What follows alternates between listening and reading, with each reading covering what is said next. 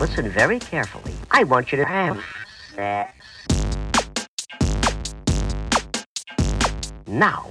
And when I say now, Promise I will not judge any person.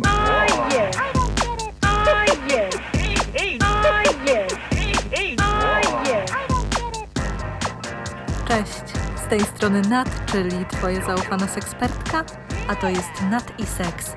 Podcast o tym, że życie jest zbyt krótkie na kiepski seks. Odcinek 45.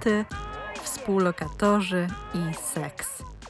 Hej, hej, miło mi znów gościć w Twoich dziurkach usznych i mam nadzieję, że cieszysz się na to spotkanie tak samo jak ja. Dzisiaj Nati Sex oraz współlokatorzy i seks, ale zanim przejdę do tematu odcinka, chciałabym pochwalić się czymś, ponieważ napisałam i wydałam e-booka. Jest to zeszyt ćwiczeń do pracy z seksualnością, zatytułowany Sex Care Zadbaj o siebie seksualnie. Od początku zależało mi, aby publikacja była inkluzywna, więc w ćwiczeniach i poradach odnajdą się osoby każdej płci i orientacji seksualnej, a także osoby będące w związkach, jak i nie. Dodatkowo jest to zeszyt interaktywny, a więc można go uzupełniać zarówno po wydrukowaniu, czyli analogowo, jak i na ekranie komputera czy tabletu. Za ilustrację i za wygląd tego zeszytu odpowiada Agnieszka Cieszanowska, która dokonała wszelkich starań, aby właśnie przelać moją wizję inkluzywności i sekspozytywności właśnie na ten format. Zachęcam Cię bardzo gorąco do zajrzenia na stronę e-booka, którą podlinkuję w opisie odcinka. A teraz do tematu przewodniego. Nagrywam ten odcinek na początku września, co oznacza, że część z osób słuchających tego podcastu zapewne powoli szykuje się na nadchodzący rok akademicki.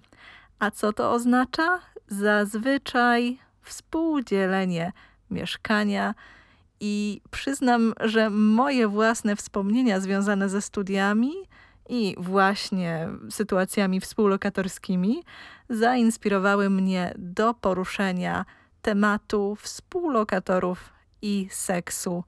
Zdaję sobie sprawę, że seks niekoniecznie jest pierwszą rzeczą, którą bierze się pod uwagę, szukając pokoju na wynajem czy kompletując ekipę, aby razem wynająć mieszkanie. Zwłaszcza, że na tym etapie często pojawia się stres związany z koniecznością znalezienia pokoju, zwłaszcza w miastach studenckich, jak i być może nie jest się w relacji seksualnej czy romantyczno-seksualnej, która wymagałaby planowania skoncentrowanego wokół seksu, a jak się nie poszukuje czegoś z osobą partnerską, tylko solo, łatwo jakoś zapomnieć o tym aspekcie współdzielenia przestrzeni z innymi osobami.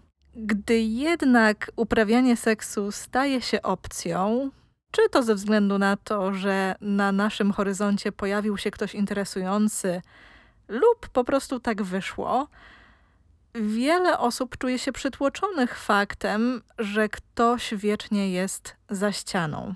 I nie czarujmy się, często jest to cienka ścianka działowa, i wówczas brak swobody może dać się we znaki. Zresztą słyszałam też o sytuacjach, gdzie pokoje dzieliły po prostu parawany. No i nie zapominajmy o pokojach zamieszkiwanych przez więcej niż jedną osobę. I jest też druga strona medalu. Być może życie seksualne osoby współlokatorskiej sprawia, że ma się wrażenie życia na planie pornola. I żeby nie było, jestem zwolenniczką swobodnej ekspresji seksualnej. Mówiąc o planie pornola, mam na myśli to, jak tę sytuację może odbierać ktoś, kto często słyszy odgłosy głośnego seksu lub nawet natyka się na niego w przestrzeniach, które są wspólne. I tak słyszałam historie o ludziach, którzy nie przejmowali się niczym i poparaszkowali na przykład we wspólnej kuchni czy salonie. Zdaję sobie jednak sprawę, że rozmawianie o seksie z osobami współlokatorskimi może być nie lada wyzwaniem, zwłaszcza gdy nie ma się wprawy, a tutaj jednak rozmawiamy nie w klimacie przy piwie, tylko bardziej o kwestiach logistycznych, organizacyjnych. Natomiast myślę, warto zacząć od uświadomienia sobie, po którejkolwiek ze stron się jest, że elementem dorosłego życia wielu osób jest uprawianie seksu, a zajęcie się tym tematem zawczasu, zwłaszcza w kontekście sytuacji mieszkaniowej, może być zbawienne nie tylko dla naszej ekspresji seksualnej, ale też, a może przede wszystkim dla relacji współlokatorskich. Przygotowałam więc kilka porad dotyczących seksu w kontekście współdzielenia przestrzeni, którą może być zarówno mieszkanie, jak i pokój w akademiku. Choć pewnie będę odnosić się głównie do sytuacji seksu partnerowanego, część tych rad spokojnie można przyłożyć, odnieść do sytuacji soloseksualnych, czyli wtedy, kiedy chcemy zapewnić sobie odrobinę prywatności podczas masturbacji. Ale zanim przejdę do kwestii praktycznych, chciałabym podkreślić, że stopień zażyłości, zażyłości relacji z osobą, z którą dzieli się mieszkanie, też ma tutaj ogromne znaczenie. Wyobrażam sobie, że z grupą przyjaciół czy przyjaciółek, którymi na co dzień rozmawia się o seksie, czy dzieli się swoimi przygodami i do których zawsze można zapukać, aby na przykład pożyczyć prezerwatywę, może być łatwiej się porozumieć niż z kimś, z kim łączy nas jedynie wspólna lodówka i toaleta, czy po prostu z kimś, z kim zazwyczaj mijamy się na korytarzu i nie mamy z nim większej emocjonalnej więzi. Natomiast jakby nie było, czego każdy układ tego typu potrzebuje, to zasady. I niestety, jeżeli coś nie zostanie ustalone, to każda z osób może pozostać w swoich domysłach dotyczących tego, co dla pozostałych jest komfortowe, a co nie. I Ustalając takie zasady, nie zawsze trzeba zaczynać od tematu seksu. Można na przykład umówić się na zapraszanie gości na noc i dopytać, ustalić, jak często jest to w porządku dla pozostałych osób. Ta rozmowa może też okazać się pomocna w rozpoznaniu, czy dla kogoś przestrzeń, którą zajmują, jest czymś, co chcą bardzo chronić, czy może czują się całkowicie w porządku, gdy prowadzi się tak zwany dom otwarty i przez mieszkanie przewijają się często różne osoby.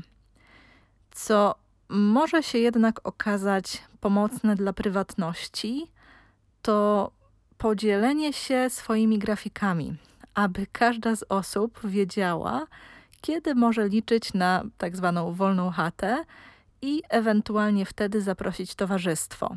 To odnosi się do sytuacji osób, które niekoniecznie chcą mieć duże liczby gości w mieszkaniu, czy niezbyt komfortowo czują się z obcymi w swojej przestrzeni, po prostu. Natomiast przy podzieleniu się grafikiem istnieje duże prawdopodobieństwo, że ludzie, którzy często łączą naukę, pracę, życie towarzyskie, będą mieć takie momenty, które będą sprzyjały swobodnemu seksowi, czyli po prostu takie okienka, w których będzie nam nieco łatwiej zająć się swoją intymnością, czy po prostu przyjąć kogoś do naszego łóżka i nawet ciała. Nie chodzi mi bynajmniej o to, aby zacząć od razu planować seks, na przykład na czwartkowe wieczory między 20 a 22. Chociaż planowanie seksu wcale nie jest takie złe, jak często się je maluje, ale to chyba temat na inny odcinek. Mam na myśli to, aby stworzyć sobie warunki do proszenia o prywatność, najlepiej z odpowiednim wyprzedzeniem, tak aby druga osoba mogła zaplanować, co może zrobić poza domem. Może to przybrać formę wiadomości tekstowej, hasła czy znaku wizualnego typu zawieszka na drzwiach. Tego typu komunikacja jest bardzo istotna, zwłaszcza w przypadku pokoi, w których zamieszkuje więcej niż jedna osoba, dlatego że mało komfortowe może okazać się przyjście do swojego pokoju, do swojej przestrzeni, w której akurat odbywają się różne seksualne harce. I to powiedziawszy, chciałabym dodać, że istnieje bardzo duże prawdopodobieństwo, że zdarzy ci się uprawiać seks, inicjować seks, gdy ktoś inny będzie w mieszkaniu. Zdaję sobie sprawę, że nie zawsze da się zgrać na tyle, aby to się nie wydarzyło, a ciągłe rezygnowanie z przyjemności może być frustrujące. I jedno jest pewne: można mieć nawet własny pokój, natomiast niestety nie daje to takiej samej wolności jak mieszkanie w pojedynkę. Dlatego warto w takich sytuacjach, jeżeli inni ludzie są gdzieś za ścianą, postarać się zminimalizować głośność lub zadbać o to, aby coś zewnętrznego, na przykład muzyka albo urządzenie z białym szumem, jeśli takowe posiadasz, nieco zagłuszyły zabawę. Gdy to, że ktoś jest w domu, to rzadkie zdarzenie, możesz nawet zdecydować się na zrobienie z cichego seksu erotycznej gry. Pamiętajmy, że tutaj nie zawsze chodzi o to, aby inni ludzie w mieszkaniu byli jakąś formą opresji, przeszkodą dla naszej seksualności. Czasami po prostu możemy wykorzystać to w sposób promujący intymność, promujący przyjemność, a nie jako pewną przykrość, aby też budować pozytywne konteksty i pozytywne skojarzenia dla naszej ekspresji seksualnej, nawet wówczas, gdy sytuacja mieszkaniowa nie jest idealna. Warto też podkreślić, że ludzie bardzo rzadko, i tutaj mówię do tej drugiej strony ściany, że ludzie bardzo rzadko zachowują się głośno podczas seksu po to, aby celowo uprzykrzyć komuś życie. Jeśli tak robią, czyli rzeczywiście chcą zrobić innym na złość, to tylko wyraz ich emocjonalnej niedojrzałości, ale tym nie będę się teraz zajmować. Chciałabym podkreślić, że dla wielu osób wokalizacja podczas seksu to ważny element, nad którym mogą nawet nie do końca panować. Dzieje się on spontanicznie, jest wyrazem przyjemności, wzmaga tę przyjemność, więc naprawdę nie zawsze pozostaje pod kontrolą samych zainteresowanych. Jeżeli więc to głośność seksu staje się przeszkodą, Niestety nie można dopuścić, aby powtarzalność tej sytuacji i związany z nią dyskomfort doprowadziły do niechęci czy wrogości.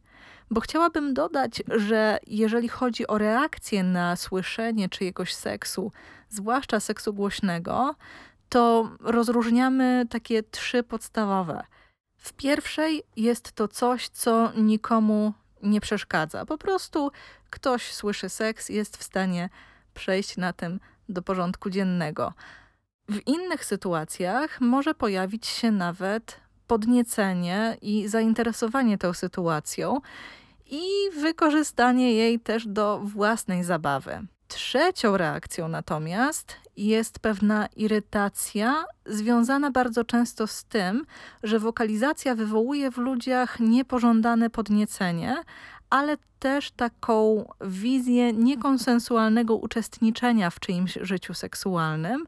Stąd może być to trudne i tak naprawdę w tej sytuacji na troje babka wróżyła i nie wiemy na kogo trafimy za ścianą, ale też jeżeli wiemy o sobie, że jesteśmy którymś z tych typów, to jest to bardzo ważna wiedza, jeżeli chodzi o sytuacje współlokatorskie. Bo załóżmy, że jest to dla nas pewna niewygoda, czy nawet coś irytującego.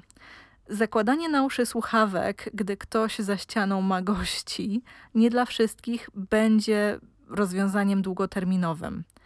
W takiej sytuacji, gdy naprawdę odgłosy seksu nam przeszkadzają, warto powiedzieć osobie współlokatorskiej, że głośny seks jest niekomfortowy i poprosić ją o większą dyskrecję, albo po prostu umówić się na jakiś sygnał, i tutaj wracam do początku moich porad, który pozwoli na przykład na zaplanowanie wyjścia z domu na jakiś czas.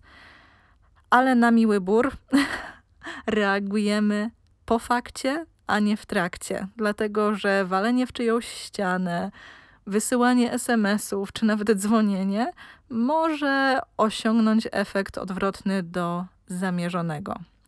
Aha, i jeszcze coś przyszło mi do głowy w tej sytuacji. Gdy mamy do czynienia z głośnym współlokatorskim seksem, po fakcie mówmy do ludzi, nie o ludziach. Gdy mieszka się w więcej osób, łatwiej jest ponarzekać z kimś, kto być może doświadcza tego samego dyskomfortu, niż skonfrontować się z osobą, której działania są przyczyną tego dyskomfortu. Dlatego zamiast plotkować, lepiej po prostu zająć się trudną sytuacją, nieprzyjemną sytuacją z samą zainteresowaną osobą. Skupmy się jednak na kwestii przestrzeni. Jeżeli chodzi o uprawianie seksu, zdecydowanie lepiej ograniczyć się do własnego pokoju i ewentualnie łazienki. Łazienki, którą można zamknąć na klucz i pod warunkiem, że nie będzie okupowana przez kilka godzin. I to też powinno pojawić się we wstępnych zasadach, nazwijmy to dobrego współżycia. Zdaję sobie sprawę, że kuchenne blaty mogą być bardzo kuszące, ale jest to nie tylko kwestia harmonijnej relacji, ale też higieny, aby jednak wykorzystywać przestrzenie, które nie mają kontaktu z żywnością.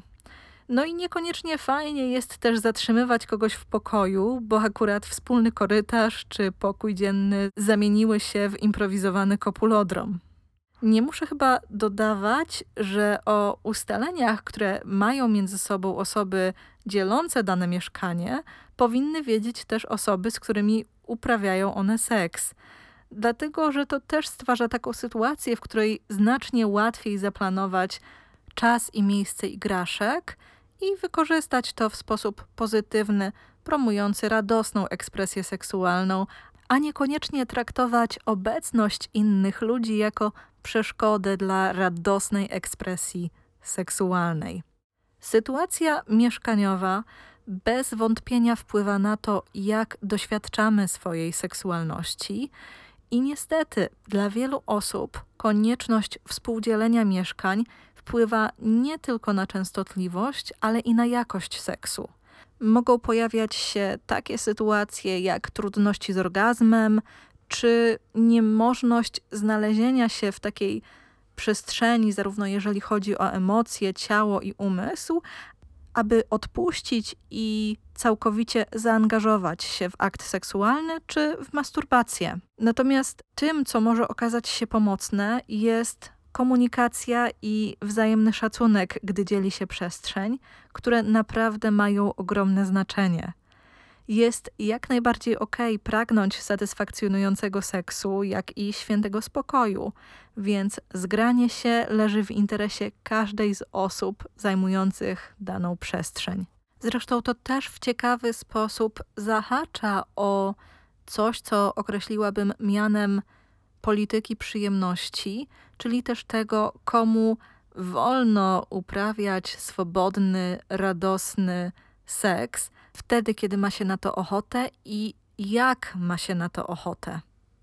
Naprawdę nie powinno być tak, że te w cudzysłowie luksusy będą nam dostępne dopiero wtedy, kiedy znajdziemy swoje własne cztery kąty, bo w obecnych czasach często nie jest to możliwe, nie jest to osiągalne dla wielu osób. Jesteśmy więc w sytuacji, w której naprawdę musimy po prostu zawalczyć o swoją przyjemność i też seksualną autonomię, bo nikt inny tego za nas nie zrobi. I jak już wspomniałam, jest to naprawdę wspólny interes każdej z osób, które znalazły się w tym samym mieszkaniu, w tym samym domu, czy nawet w tym samym pokoju. Pomyślałam więc, że zaproszę osoby słuchające podcastu do podzielenia się swoimi seks historiami związanymi ze współdzieleniem mieszkań.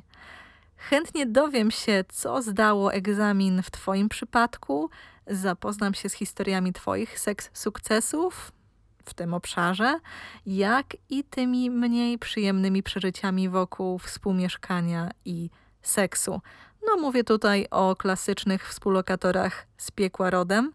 I z jakiegoś powodu domyślam się, że tych historii może przyjść najwięcej, natomiast mam nadzieję, że miło się w tym wypadku rozczaruje.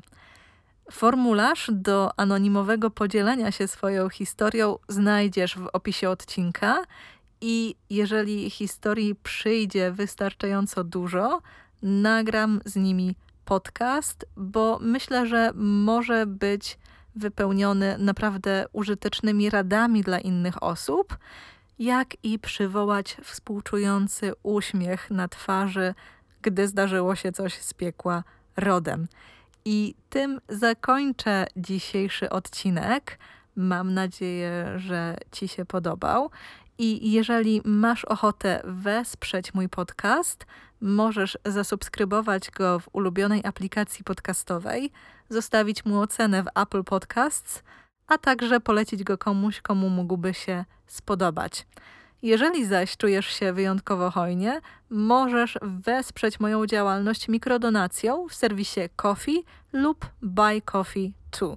Obydwa linki znajdziesz w opisie tego odcinka, a jeszcze dodam, że wirtualne kawy, czyli kawy z mikrodonacjami, dają możliwość zostawienia prywatnej wiadomości. Więc jeżeli chcesz wykorzystać to do zadania pytania do Sexcastu albo polecenia tematu odcinka, ta przestrzeń jest Twoja. Po linki po raz kolejny odsyłam do opisu odcinka. Tyle ode mnie. Życzę Ci więc wszystkiego seksownego i mam nadzieję do usłyszenia już wkrótce. Pa!